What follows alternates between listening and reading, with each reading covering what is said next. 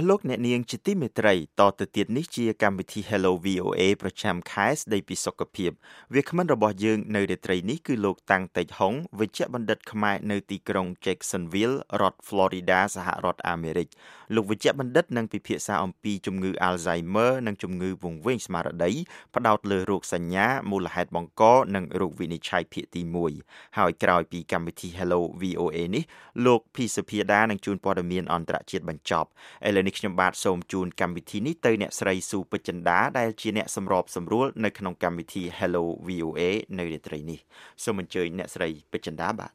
ចាសសូមអរគុណវឌ្ឍនានិងសូមស្វាគមន៍ប្រិយមិត្តរបស់ VOA មកកាន់កម្មវិធី Hello VOA ស្ដីពីសុខភាពប្រចាំខែកក្កដា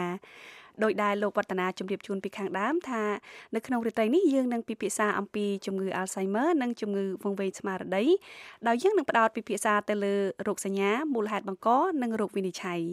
ចាជាក់ស្ដែងជំងឺដែលមានឈ្មោះថា Alzheimer នេះភាសាខ្មែរយើងក៏ ប្រិយមិត្តធ្លាប់ស្គាល់ថាជាជំងឺវង្វេងភ្លេចភ្លាំងស្មារតីដែរដូច្នេះដើម្បីឲ្យប្រិយមិត្តជ្រាបកាន់តែច្បាស់ថាតើជំងឺទាំងពីរនេះមានលក្ខណៈខុសខុសគ្នាយ៉ាងណានោះរួមទាំងរោគសញ្ញាក៏ដូចជាមូលហេតុបង្កដែរនោះលោកវិជ្ជបណ្ឌិតតាំងតិចហុងដែលលោកគឺជាវិជ្ជបណ្ឌិតខ្មែរមួយរូបនៅក្នុងទីក្រុង Jacksonville រដ្ឋ Florida សហរដ្ឋអាមេរិក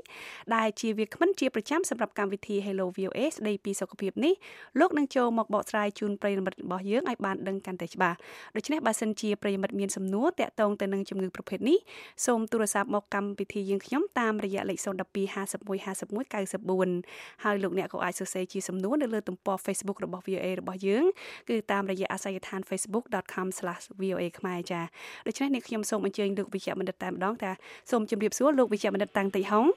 បាទជំរាបសួរអ្នកស្រីពេជ្រចន្ទាហើយនឹងជួនរួមជាតិអ្នកស្ដាប់ខ្មែរទាំងអស់បាទចាលោកវិជ្ជបណ្ឌិតនាងខ្ញុំសូមអញ្ជើញលោកវិជ្ជបណ្ឌិតឲ្យជួយសង្ខេបជូនប្រិយមិត្តរបស់ VOA យើងថាតើតើអ្វីទៅជាជំងឺ Alzheimer ហើយនិងជំងឺវង្វេងស្មារតីហើយបន្តមកទៀតយើងនឹងពិភាក្សាលម្អិតទៅលើចំណុចមួយមួយបន្ថែមទៀតចាសូមអញ្ជើញចាបាទមានចំណុច7សំខាន់ដែលខ្ញុំចង់យកមកសង្ខេបក្នុងពេលនេះ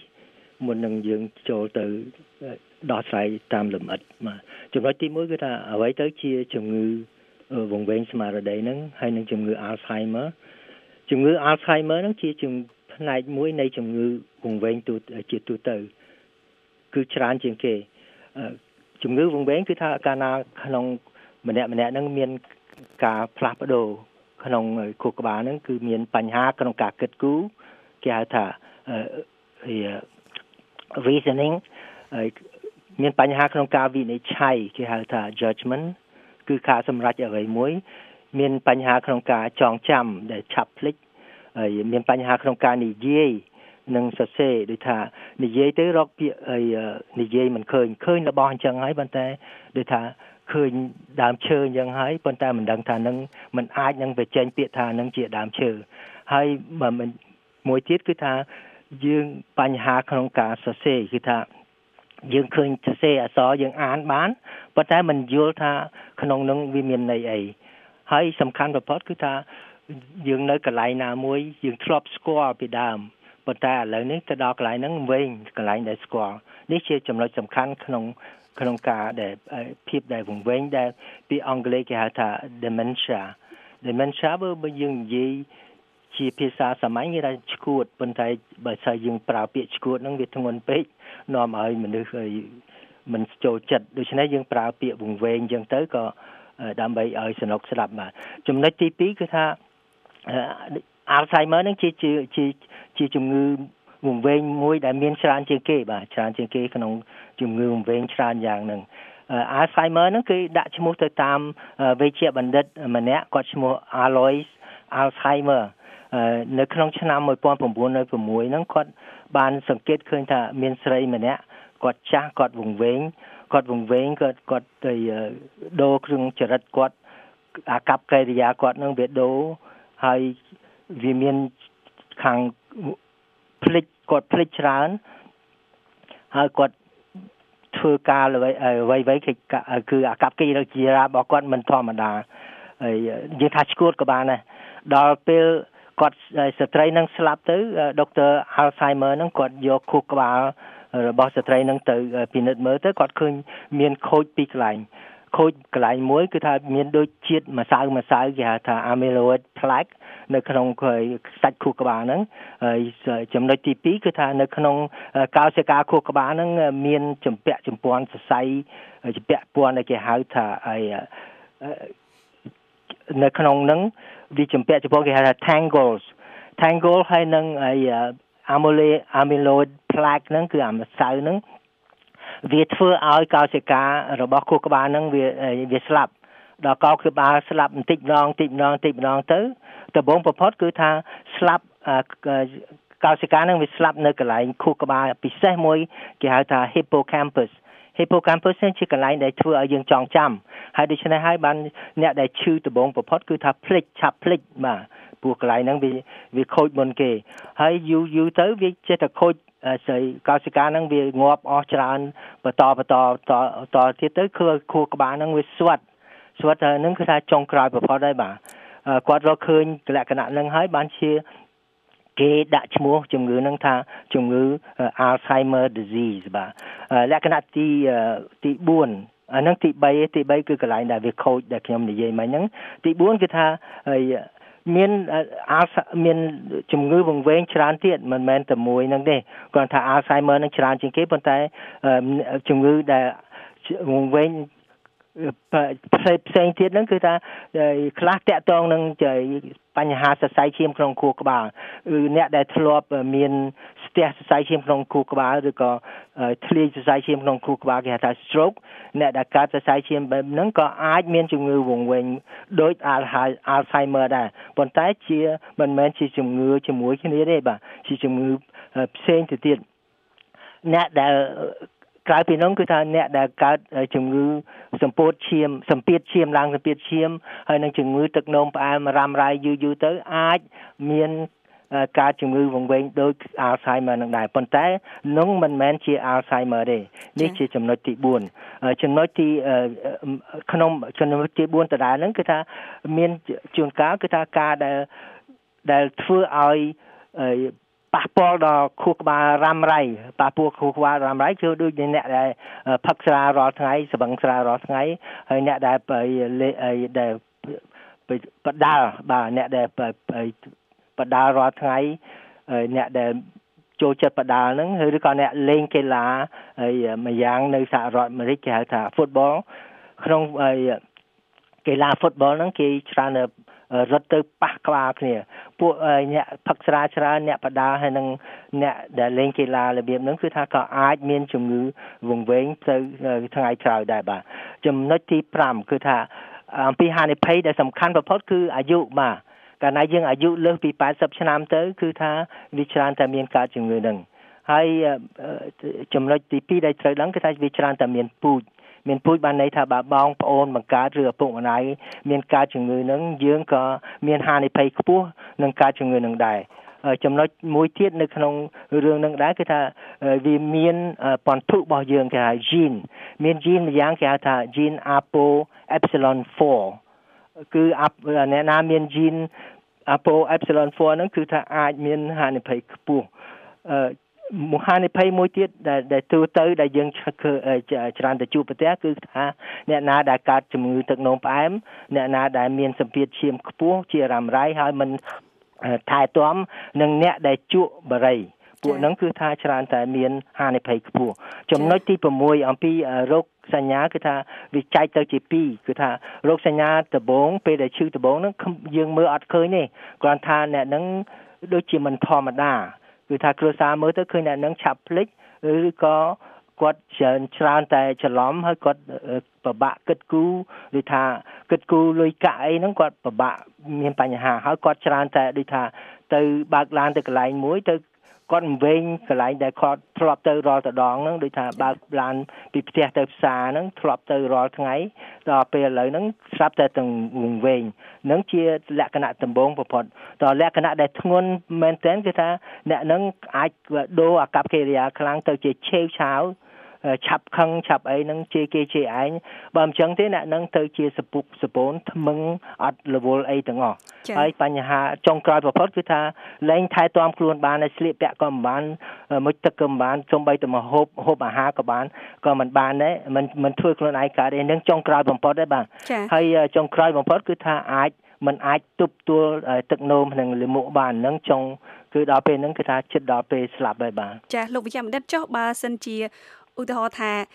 យើងស្គាល់មនុស្សនឹងហើយប៉ុន្តែយើងទៅជាភ្លេចឈ្មោះគាត់ ឈ្មោះមនុស្សនឹងពេលដែលយើងជួបតែភ្លាមភ្លាមហ្នឹងគឺយើងរនឹកឈ្មោះគាត់អត់ឃើញអញ្ចឹងថាតែអាអាប្រភេទហ្នឹងអាចជារោគសញ្ញានៃជំងឺនេះដែរទេចាមិនមែនទេបាទ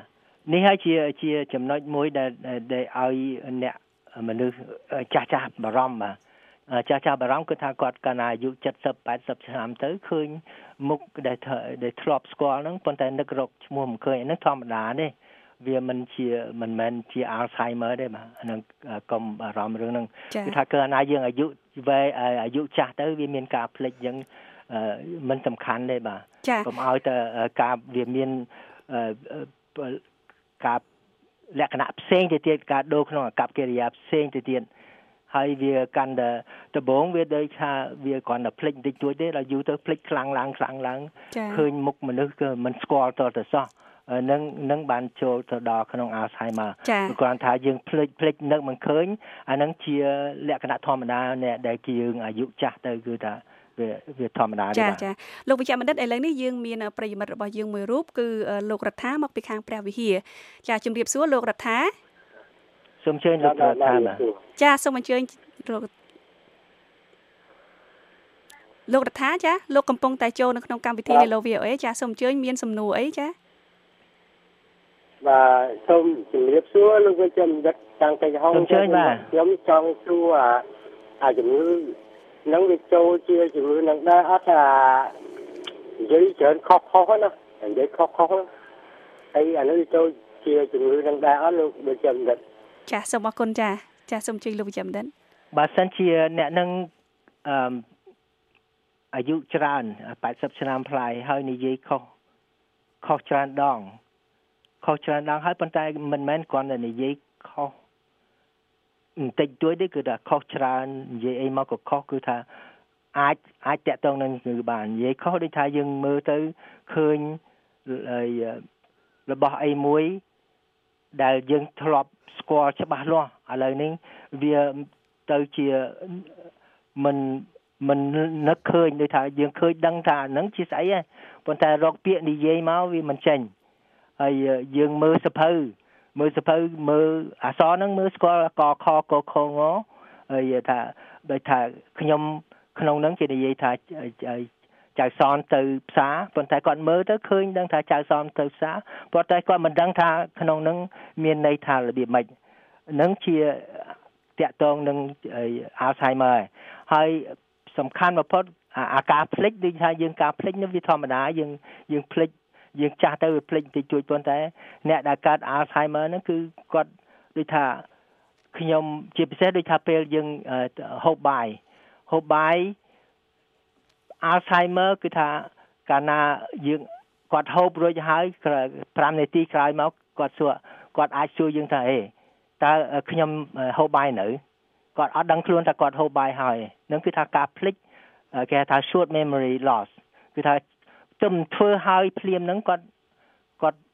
អត់នឹកឃើញឡើងវិញទេគាត់គាត់ភ្លេចហើយនឹងហើយជាលក្ខណៈដែល Alzheimer វាតិចតួចជួនកាលយើងមើលមិនឃើញទេ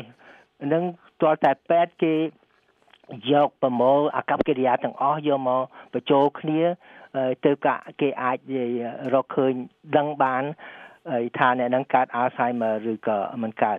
វាដើម្បីជារោគវិនិច្ឆ័យរបស់ Alzheimer ហ្នឹងគឺថា ទី1គឺថាគេគ្រូពេទ្យគេសួរអ្នកជំងឺផ្ទាល់ខ្លួន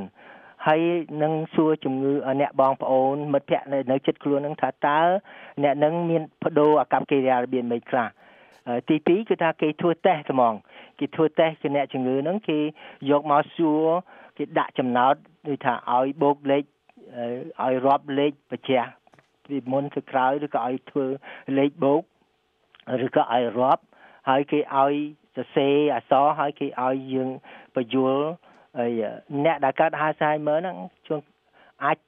អានអក្សរបានប៉ុន្តែសួរថាមានន័យថាម៉េចគាត់អត់អត់យល់ទេបាទអត់អត់ដឹងន័យទេហើយអាចឃើញរបស់អីមួយដែលធ្លាប់ស្គាល់ហើយប៉ុន្តែឲ្យគាត់ប្រាប់សួរគាត់ថាយើងដាក់នាឡិកាមួយនៅមុខខ្លួនគាត់ដឹងថានឹងជានាឡិកាប៉ុន្តែគាត់យករកនិយាយមិនមិនឃើញมันអាចនឹងនិយាយថានឹងជានាឡិកាបាន គឺថាគាត់វង្វេងហើយ លក្ខសំខាន់មួយគឺថាដូចខ្ញុំថាអញ្ចឹងទៅកន្លែងណាមួយគាត់ធ្លាប់ឃើញប៉ុន្តែដល់ឥឡូវហ្នឹងទៅទៅគាត់មិនអាចបើកឡានទៅកន្លែងហ្នឹងបានពីព្រោះគាត់មិនវែងបាទចា៎ហើយលក្ខណៈមួយទៀតគឺថាគេអាចយកថតខួរក្បាលថតខួរក្បាលហ្នឹងតាមគេហៅថា CT ឬក៏ MRI ឬក៏ PET scan គេថតទៅគេឃើញលក្ខណៈមួយដែលដែលគេសំខាន់ជាងគេគឺថាឃើញខួរក្បាលហ្នឹងវាស្វិតបាទស្វិតតូចជាងមុន ប៉ុន្តែការដែលស្វិតខួរក្បាលហ្នឹងវាមិនមែនមានតែក្នុង Alzheimer ទេជាងមានជំងឺអីទៀតក៏មានយ៉ាងដែរប៉ុន្តែអ្នកដែលកើត Alzheimer គេថតទៅឃើញជំងឺនឹងស្វិតហើយម្យ៉ាងទៀតគេអាចចាក់យកទឹកពីឆ្អឹងខ្នងមកដើម្បីពិនិត្យយកជាតិរោគជាតិ chemical នៅក្នុងនៅក្នុងទឹកហ្នឹងគេអាចរកទៅឃើញថាវាមានតកតងនឹងអា plaque ហើយនឹងអា tangle ហ្នឹង គឺអាចបញ្ចូលគ្នាទាំងអស់ទៅទើបអាចធ្វើរោគវិនិច្ឆ័យថារោគនឹងជារោគ Alzheimer មែនបាទចាចាលោកអ្នកនាងកំពុងតែស្ដាប់កម្មវិធី Hello VOA ប្រចាំខែស្ដីពីសុខភាព Direct from Washington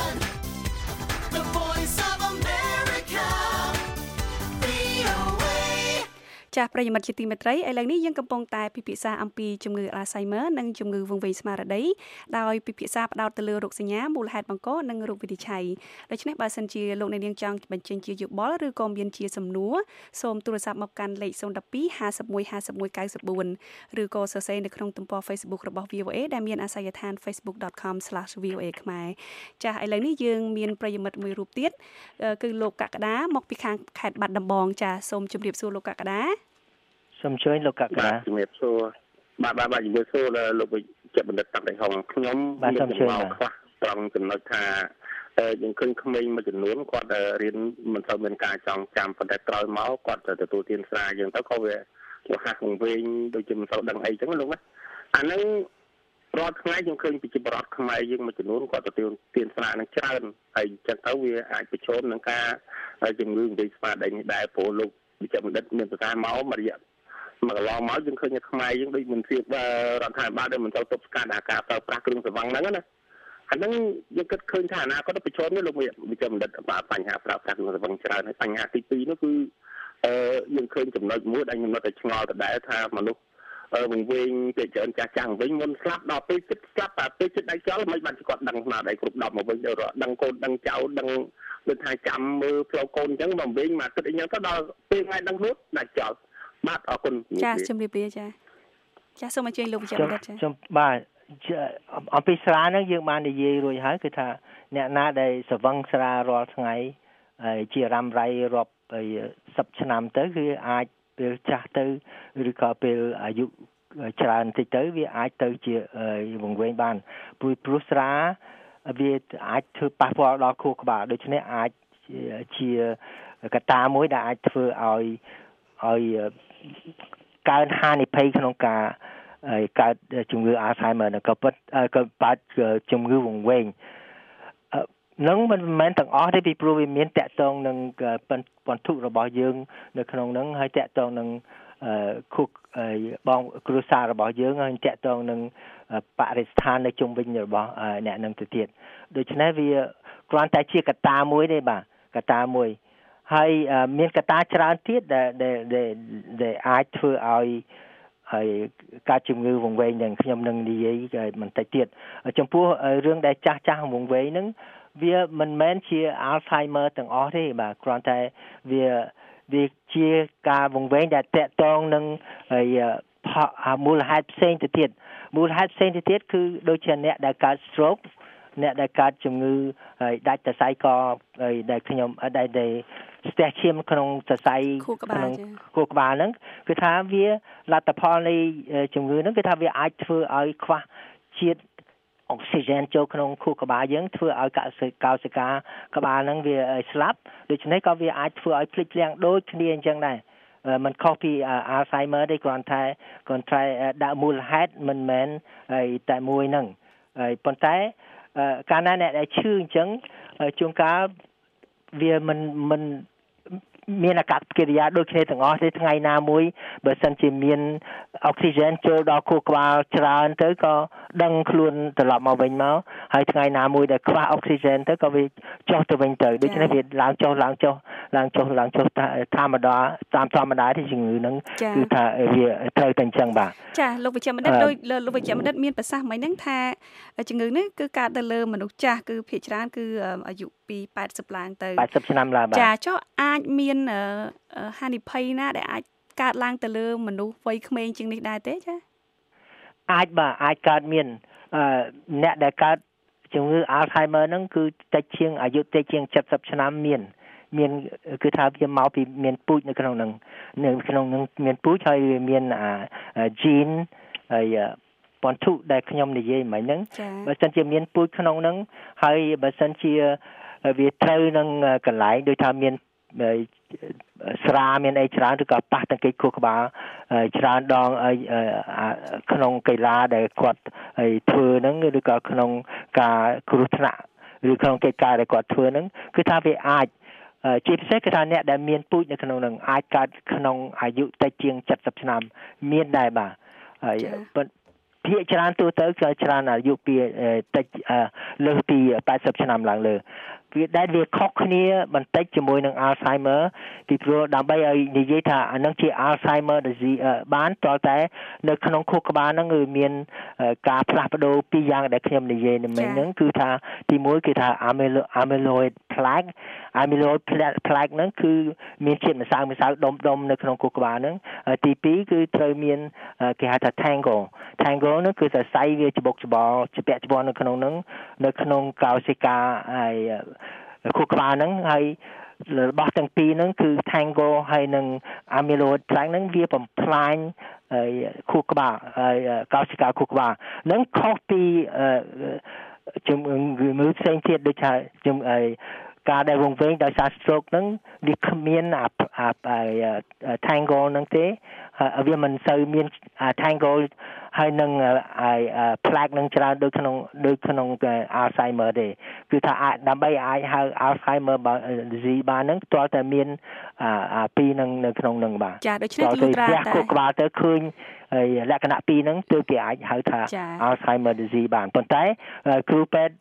គេអាចបញ្ចូលគ្នាបញ្ចូលគ្នាគឺថាគេអាចយកហើយលក្ខណៈអាកប្បកិរិយាដូរហ្នឹងគេបូកបញ្ចូលជាមួយនឹងការគេធ្វើតេស្តទៅ គេរកគឺថាអ្នកហ្នឹងភ្លេចភ្លាមភ្លាមគេគេយកទឹកក្នុង